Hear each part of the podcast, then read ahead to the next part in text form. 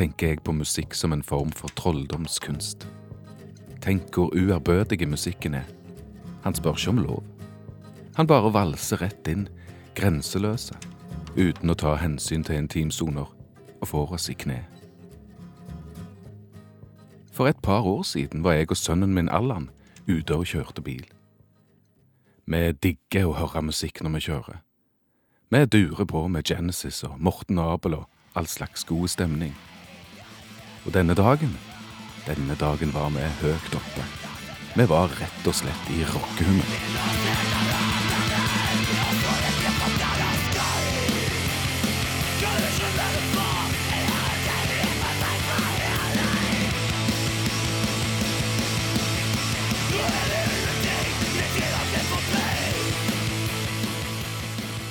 Nå er det ulvetid.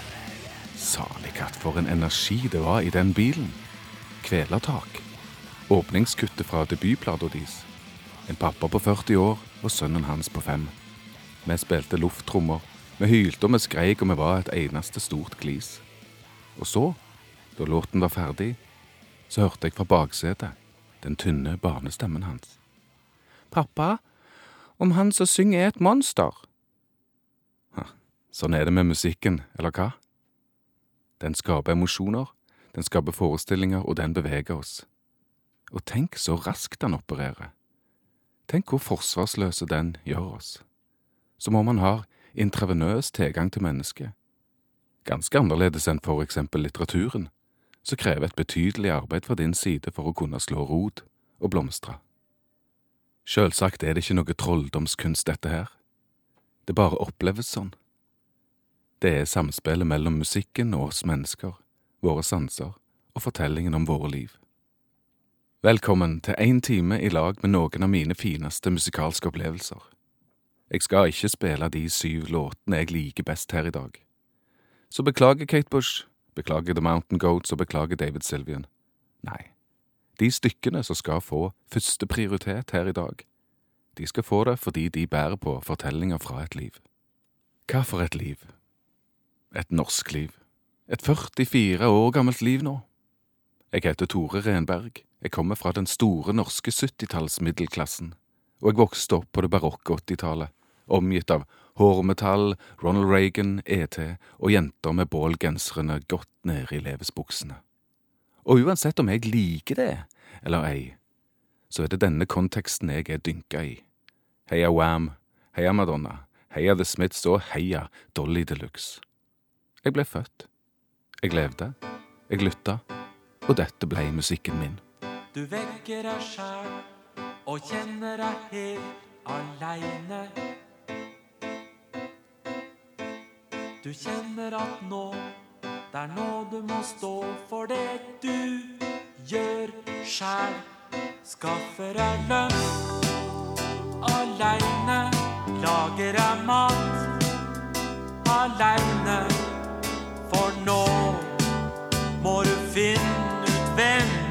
Så vanskelig det er å huske seg sjøl som åtteåring. Hvem var jeg? Hva gjorde jeg? Musikken, som for eksempel Trond-Viggos klassiker Tenke sjøl, den var med meg den gang. Den var rundt meg, rett og slett fordi han var så himla populær, og fordi han ble en naturlig del av akkompagnementet til min tid, av tidsånden. Jeg får frysninger fortsatt, jeg, av å høre Tenke sjøl. Frysninger fordi det er en knallgod poplåt, og frysninger fordi jeg føler at et sted inni den sangen så ligger vesentlige bilder fra mitt eget liv. Glemte hendelser, glemte mennesker og møter. Det er som om Tenke sjøl er en skattkiste jeg ikke helt har fått åpna. Vil jeg klare det? Åpne den helt og fullt? Vil han en dag fortelle meg hvem jeg er, som Trond-Viggo synger? Ja, dette er god popmusikk, og det er generasjonsbestemte musikk. Jeg er jo klar over det. Og ofte lurer jeg på hvor mye av min musikksmak som er skapt av tiden jeg har levd i. Hele? Virkelig? Er det sånn at jeg aldri klarer å komme meg utenfor min egen generasjon og min egen tid? Og hvis jeg klarer det, Hvordan skjer det? Du må sjæl. En dag er det slutt, så står du der helt aleine. Du kan ikke gå til skolen mer nå, du må starte sjæl. Skaffe deg klær aleine, finne deg jobb aleine. For da får du fri, får du prøvd hva du vil bli. Tenke sjæl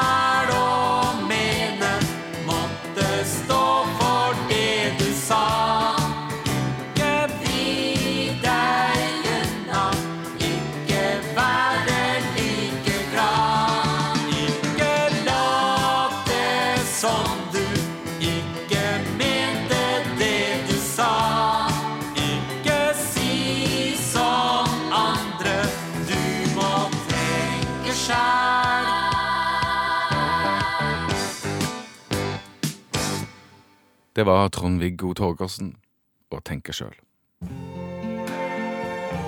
Jeg vokste opp i det vi kan kalle et musikalsk hjem. Pappa han spilte trompet og hørte på Louis Armstrong. And you. And myself, Det ga han kraft og frihet, tror jeg. what a wonderful world. Storebroren min han spilte fløyte, og mamma spilte piano og elskte Evert Taube. Kalla den englamarken eller himla jorden om du vil. Da jeg gikk på barneskolen, så begynte jeg å lære å spille piano. En gang i uka så tok jeg spilletimer, og min pianolærerinne, det var min mormor. Ester Elisabeth Ludvigsen, født i 1914. Syvende dags adventist og fotmassør. Hun var ei elskelig dame. En historieforteller og et musikalsk menneske. Disse spilletimene skapte nok ikke en stor pianist, jeg redd. For mormor klarte ikke å være streng med eleven sin, og talentet mitt for piano det var ikke akkurat overveldende. Men jeg har ofte tenkt at det var der, på Byhaugen i Stavanger, hver onsdag, etter at saften og bollene kom på bordet og spilletimen var over, at mye av min musikalske interesse blei skapt. Mormor og meg, vi kom etter så årene gikk til å forenes gjennom en komponist vi begge falt for. Det var bergenseren Harald Sæverud, som ville fylt 120 år i år. Den særegne stilen til Sæverud, først og fremst i pianostykkene, appellerte sterkt til meg, og det gjør han fortsatt, med sin blanding av tradisjonsmusikk, folketoner, modernitet og romantikk. Inngangen til denne beundringen, det var et av Sæveruds lette stykker for klaver, Rondo Amoroso, som en nok kan kalle hans største hit, ved siden av kjempeviseslåtten. Stykket er å finne i Sæveruds første samling av karakterstykker for klaver fra 1939. Dette er musikk som knapt kan sies å tilhøre min generasjon. Det er musikk jeg har fått et nært forhold til først og fremst på grunn av mormor, som introduserte Sæverud for meg. Det er vel sånn det henger sammen. Mormor var en ung kvinne i 1940- og 50-årene, den gang Harald Sæverud var enormt populær i landet vårt og produserte hitlåt på hitlåt. Han skrev musikk for en ung nasjon. Han skrev naturorientert, fengende musikk som falt sammen med kampånden omkring krigsårene. Dette var musikk for det nye Norge, og den ble skrevet i min mormor sin tid, og hun ga den videre til meg. Hver gang jeg besøkte henne i årene etter at jeg selv hadde vært elev, så ba jeg henne om å spille noe av Sæverud. Som oftest landa vi på den skjøre melankolien i Rondo Amoroso. Jeg kan se henne for meg. Min kortvokste mormor, som ikke var stort høyere enn et piano sjøl. Hun sitter der, med den litt krumbøyde ryggen sin, dypt konsentrerte, i sin blå sommerkjole, og så smiler hun og setter fingrene til tangentene. Og én tone gjentar seg elleve ganger. Et gjennomsiktig og personlig språk fyller rommet.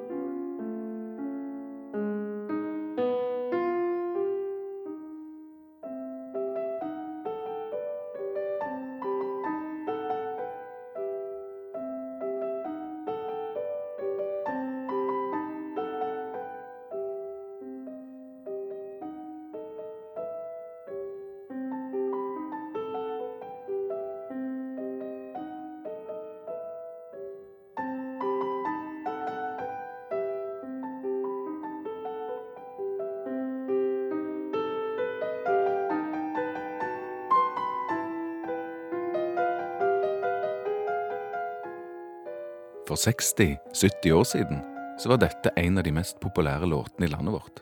Rondo Moroso av Harald Sæverud. En av mange fantastiske ting med å bli foreldre, det er å oppleve verden på ny sammen med ungene. Jeg husker en hendelse fra 2011, da jeg satt i stua sammen med dattera mi, Petra. Hun var åtte år den gangen, og vi har alltid delt musikkopplevelser, hun og meg. Ja, det føles ofte som om vi har samme øyre. Denne kvelden så satte jeg på en LP jeg akkurat hadde kjøpt, en LP jeg tenkte at det ville være fint for henne å høre. Det var nokså seint, snart leggetid, og mørket hadde lagt hånda si over huset, og Petra satte seg ved siden av meg i sofaen. Og jeg sa, Hør på dette, Petra.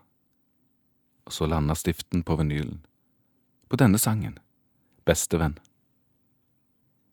På tangentintroen med de små variasjonene, og vokalen til Odd Nordstoga. Det er et ljos der ute, så du ser fra der du bor. Trekkspill.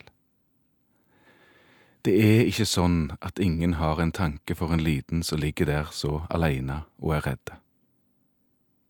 Under sangen så kikket jeg bort på dattera mi. Det rant tårer ned det unge kinnet hennes. Å, sa hun, pappa, det er så fint. Ja, det er det. Det er veldig fint. Det er et ljos der ute som du ser fra der du bor.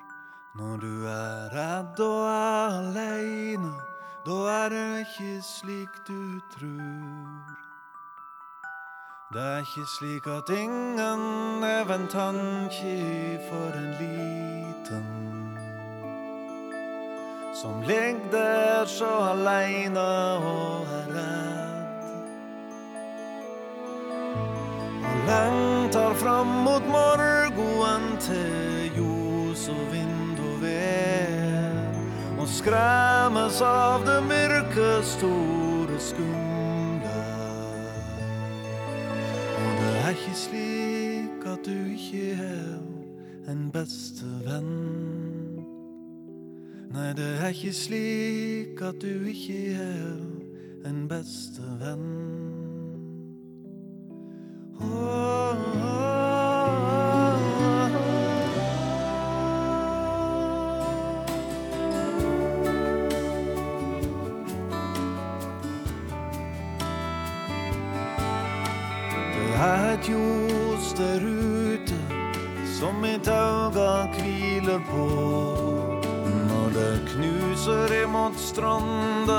Men du ingenting kan sjå.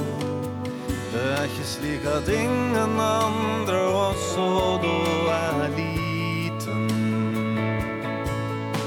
For havet knuser sjølv det harde fjell.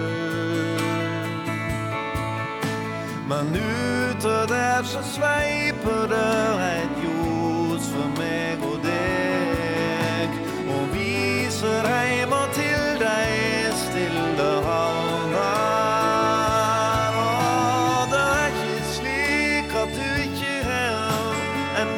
beste venn. Nei, det er ikke slik at du ikke er en beste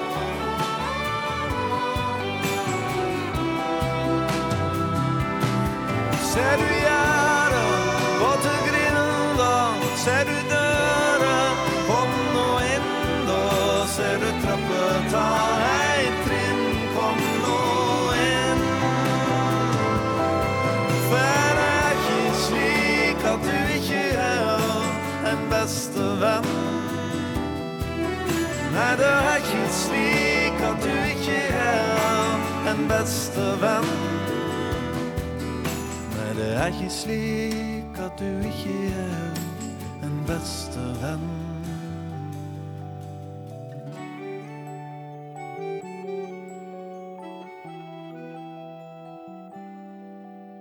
Det var Bestevenn med Odd Nordstoga, som norske lyttere ble kjent med gjennom TV-serien Vaffelhjerte. Det slår meg forresten at Harald Sæverud og Odd Nordstoga de har en del til felles, de. De kommer begge til musikken med en sterke folkemusikalske nerve, og begge har sans for melankoli og sans for lek, og begge er skikkelig bra på det som er fengende, det smarte. Popmusikkens essens, eller hva? Når jeg tenker på popmusikk, så tenker jeg på kultur og disiplin. Men når jeg tenker på rock, da tenker jeg på natur og energi. Jeg tenker på det hodeløse, det ukultiverte, det som ikke er tenkt, men først og fremst følt. Jeg tenker på svette, og på kraft. Jeg tenker på The Rolling Stones, den frigjørende energien, følelsen av at alt løsner og løper løpsk. Da jeg gikk siste året på ungdomsskolen, så begynte jeg å spille i mitt første band. Vi kalte oss Hekkan. Det er et stavangersk kraftuttrykk. Repertoaret vårt det besto av egne låter, sen-sekstitalls i snittet, med norske tekster på dialekt, pluss et bredt utvalg av coverlåter. Vi spilte oss gjennom den musikalske historien, Day Tripper av Beatles, Jumpin' Jack Flash of Stones, og vi spilte nokså ferske ting, som låter av R.E.M. eller Violent Femme. Noe av det aller tøffeste vi gjorde, det var en stavangerske versjon av DumDum Boys første singel, Sorgenfri. Det er så gøy å spille i band. Fellesskapsfølelsen, drømmene, skape noe sammen med andre mennesker. Og det er vel fint lite, da, som er så gøy så vær 16 år og gi jernet, skrike stemmen i stykker og hamre av gårde på instrumentene og storme mot verden på vei inn i livet. Her er de, Trondheims store sønner, fra 1986, og den gang de sto på terskelen til en karriere som skulle skaffe de en kolossal plass i norsk rockehistorie. De spiller fort, de spiller fritt, og de lyser av glede. Her kommer vi, siste stopp sorgenfri.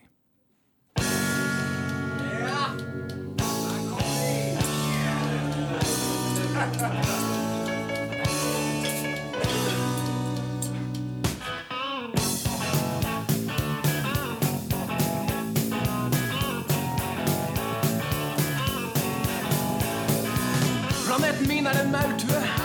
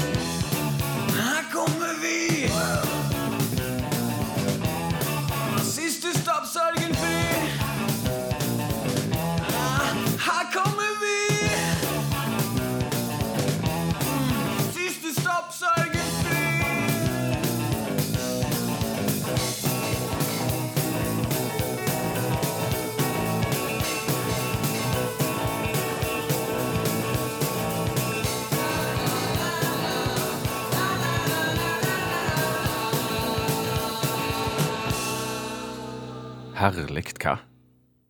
Sånn hørtes det unge bandet DumDum Boys ut i 1986. Og du hører på Sommer i P2 med han Tore fra Stavanger. For et par år siden så kjøpte jeg nye dekk til bilen. Jeg var innom et halvdodgy sted litt utenfor Stavanger sentrum, og der lot jeg meg altså overtale til å kjøpe noen japanske vinterdekk. Fyren bak disken han kunne love meg at de var kanongode. De var billige, strengt tatt så billige at jeg burde lukta lunta. Men jeg er både lettlurte, og jeg har lite greie på bil, så jeg slo til. Det skulle få konsekvenser. Den påfølgende januaren var kona mi og jeg ute på vinterveiene. Det var sein kveld, og vi kom kjørende hjem fra fjellet. Og et sted mellom Kvinnlåg og Tonstad støtte vi på et heiseuvær og fantastisk såpeglatte veier.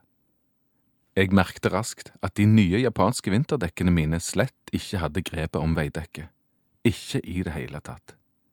Kona og meg hadde mange drøye bakker foran oss, bil etter bil sto og spant, og det hele begynte å bli både risikabelt og skummelt.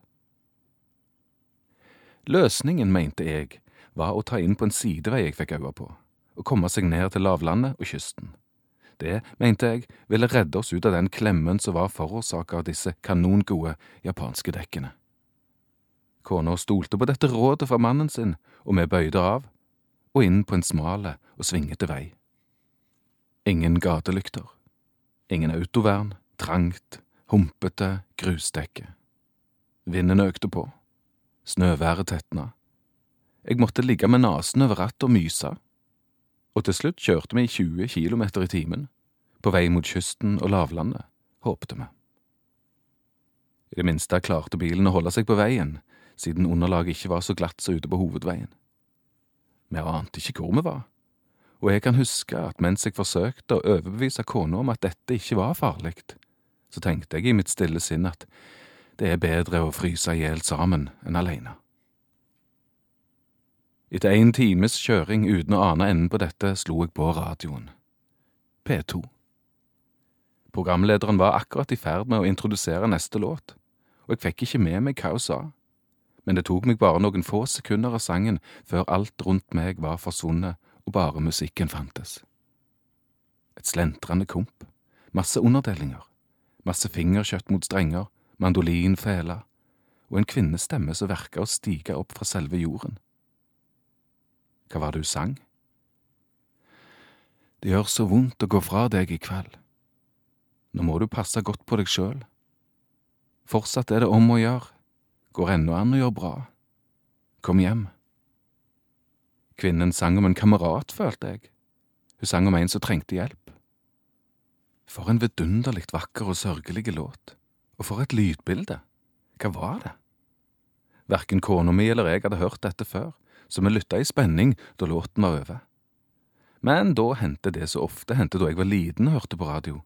Programlederen kom tilbake, men sa ikke hva sang hun hadde spilt.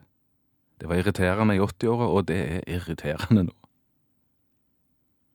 Da vi kom hjem den kvelden, helskinna, etter å ha brukt seks timer fra Knaben til Stavanger, en distanse du vanligvis unnagjør på snaut tre, så satte jeg meg til for å google. Jeg skrev Kom hjem og P2 i søkefeltet, og jeg fant ut via NRKs nettsider hva vi hadde hørt.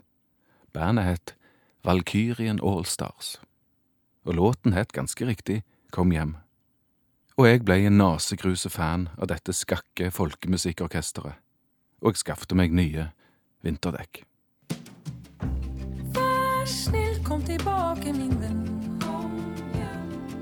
Nå er du på trynet.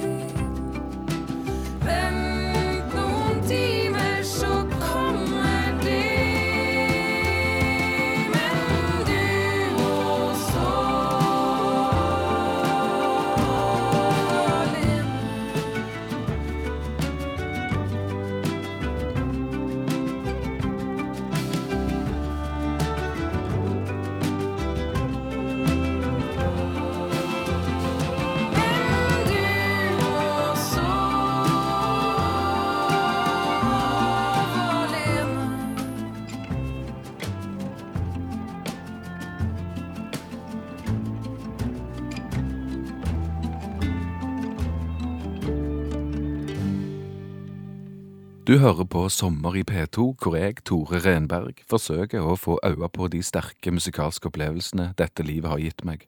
Og her hadde vi Kom hjem av Valkyrien Allstars. Nå skal jeg invitere dere med på en reise til 1981. Jeg tror vi snakker om en lørdag, sommeren 1981. Jeg ser det tydelig for meg.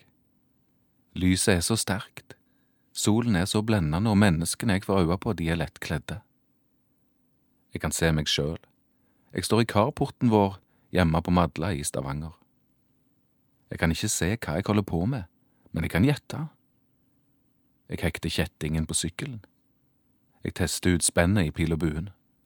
Jeg setter tollekniven i slira. Og så hører jeg motorsykkelen hans. Motorsykkelen til storebroren min, som er ti år eldre enn meg. Jeg kjenner lyden av potta på den blå Suzukien.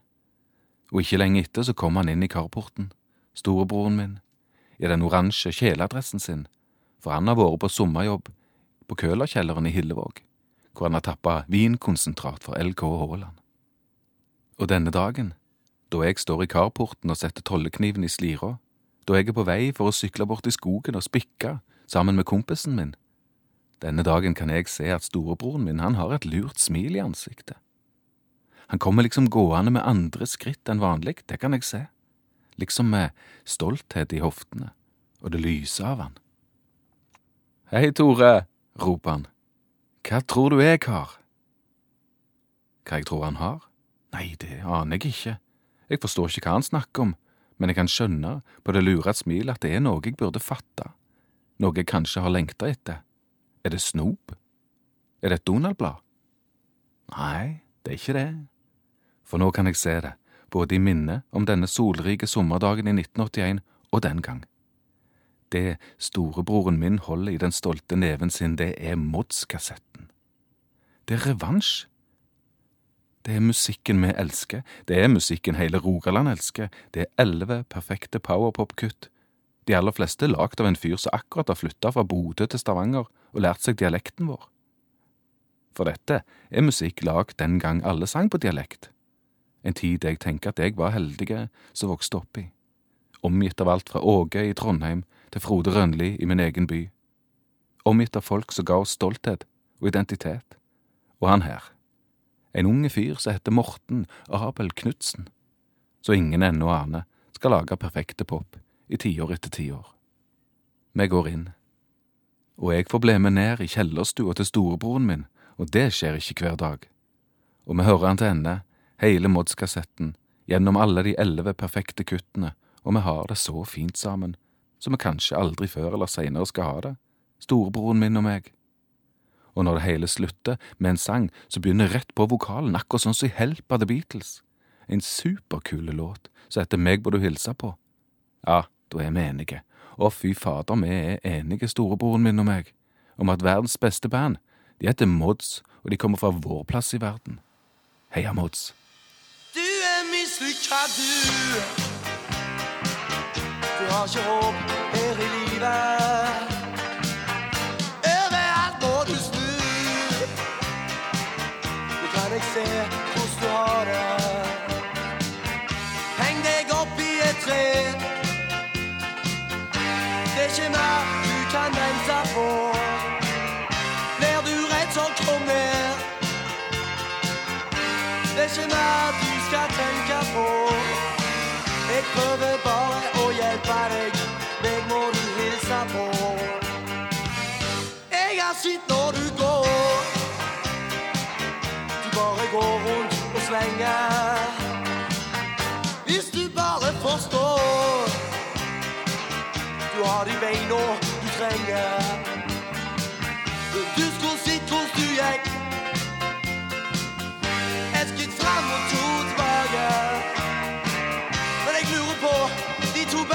fikk. For du ikke sånn, går det gale. Jeg skal fortelle deg det. Meg må du hilse på. Du fikk et brev her i går. Jeg skulle ha sagt det til deg, men jeg glemte det. Jeg vet nok hva der står. Jeg kan gå ned og hente det. Du må flytte på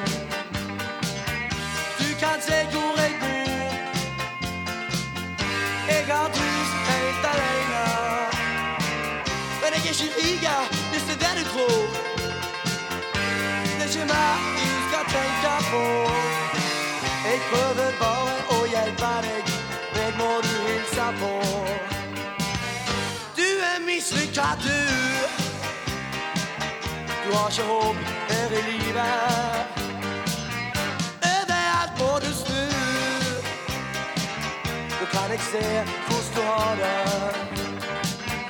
Heng deg opp i et tre. Ikke mer du kan vente på. Blir du redd, så kom ned. Ikke mer du skulle tenke på. Jeg prøver bare å hjelpe deg. Meg må du hilse på.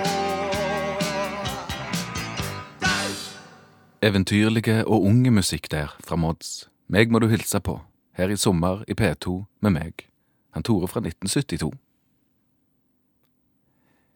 Jeg er jo forfatter, og jeg skal liksom være flink til å skrive. Det er liksom det jeg skal ha lappen på. Men det betyr ikke at jeg alltid syns det er enkelt, ikke sant? og hvis dere vil, så kan jeg røpe hva jeg syns er aller vanskeligst. Det er ikke å skrive om sorgen, om skrekken, om katastrofen. Det er ikke å beskrive en særegen dag i livet metta med inntrykk. Og det er heller ikke å skrive om det tomme og det tause. Nei. Det aller vanskeligste, det er å skrive om musikk. Og aller verst er det å forsøke å beskrive selve musikken i seg sjøl, hva som skjer i den. Det mangler jeg stort sett et godt språk for. Vanskelig er det òg å skrive eller snakke om musikk som du er glad i. Til og med om det kan avhjelpes ved å fortelle om fakta, eller om situasjoner som hefter seg ved musikken. Det er mye enklere å snakke om den musikken som du ikke setter pris på. Kanskje er det sånn med mye i menneskelivet. Jeg har ofte erfart det, hvor lett det er å finne et språk for irritasjonen, for sinnet, og hvor vanskelig det er å finne et språk for gleden og for henrykkelsen. Det føles ofte som om en kommer til kort sammenlignet med kraften i det du har opplevd. Det aller verste å finne gode ord for, det er instrumentalmusikken. Det er neppe veldig merkelig, siden han er nettopp det, instrumental og ikke verbal.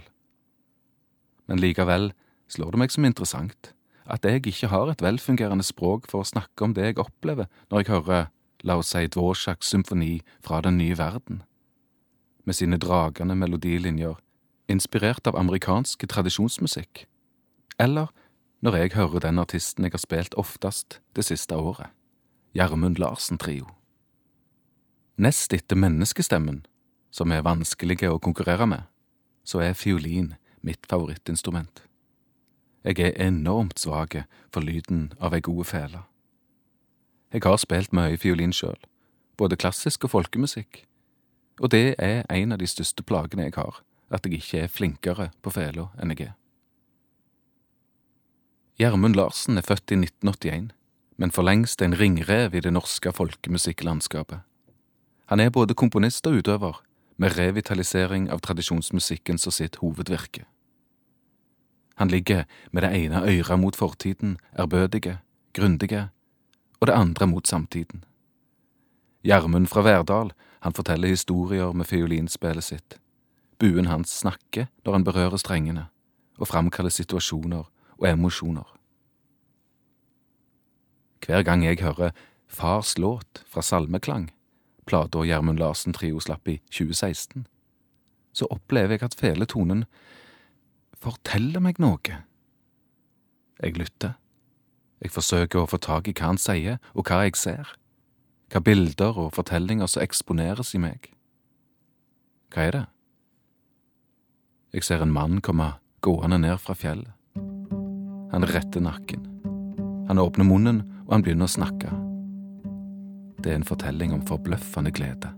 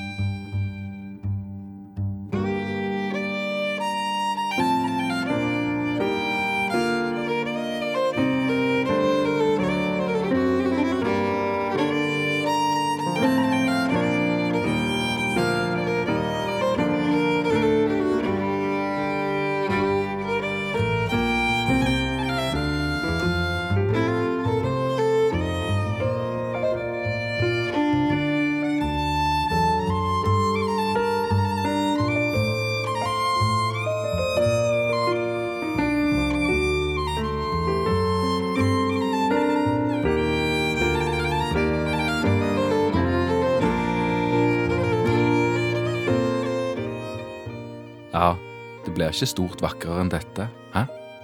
Fars låt av Gjermund Larsen Trio her på Sommer i P2. Det er jeg, Tore Renberg, som har vært din ledsager i dag. Og nå skal jeg avrunde denne timen med jakt på den musikalske opplevelsen. Så hvis det endte opp med bare norske låter, på en busstur midt på 80-tallet. Jeg er tross alt fortsatt det, et barn av min tid, og jeg kan ikke hjelpe for det, selv om jeg til tider har forsøkt å unnslippe det, og fortsatt prøver så godt jeg kan å orientere meg i ny musikk som gis ut i dag. Her er en hendelse jeg alltid har båret med meg og aldri kommer til å slippe. Den er banal, og den er ekte, og derfor er han store i all sin litenhet. Det er like før påske, jeg tipper det er 1985, og 30, 40, kanskje 50 ungdommer fra Madla i Stavanger er om bord på en buss. Bussen kjører fra Stavanger til et sted i Sirdalen. Han kjører fra Vårtein her hjemme og opp i snøen. Ungdommene er kledd i fargerike, moderne skidresser. Noen av jentene har superkule pastellboblejakker. Mange av de har tupert hår og rosa tyggi bak de glinsende leppene sine. Ungdommene har med seg termos og niste i sekkene. De har med seg slalåmbriller og hjelmer, og de skal på skitur med trinnet. Det er sånn jeg ser det for meg. Hvor sant alt dette er, det vet jeg ikke. For minnet mitt har det med å lure meg. Men det som kommer nå, det som hender nå, det er jeg 100% sikker på at det er sant. Mot slutten av turen, idet snølandskapet breier seg ut rundt oss, så legger jeg merke til at to av jentene som sitter litt foran kameraten min og meg, de begynner å hviske og fnise. De roder rundt i sekken til en av jentene. De har krystall i blikkene sine, og de har sukker i stemmene, og jeg kan kjenne det fra der jeg sitter, at det reiser seg i hele meg. Hva er det jentene, de herlige jentene, holder på med nå? Og så reiser den ene av de seg. Hun ler til venninna si, og så småløper hun fram til bussjåføren. Hun snakker til han. Ja, dette er ikke noen sjenerte lita jente, nei. Og så gjør hun han noe. Hva da? Det er en kassett. Jeg kan se det. Hun gir han en kassett. Hun ber han spille en kassett. Det er ei kul jente, det. Å, fy fader, det er sånne jenter jeg liker. Når oppdraget er godkjent, og jeg kan skimte bussjåføren som setter kassetten i spilleren der framme, da snur jenta seg. Hun har slalåmstøvler på beina, og hun stamper ned midtgangen, sånn jenter beveger seg når de går på slalåmstøvler.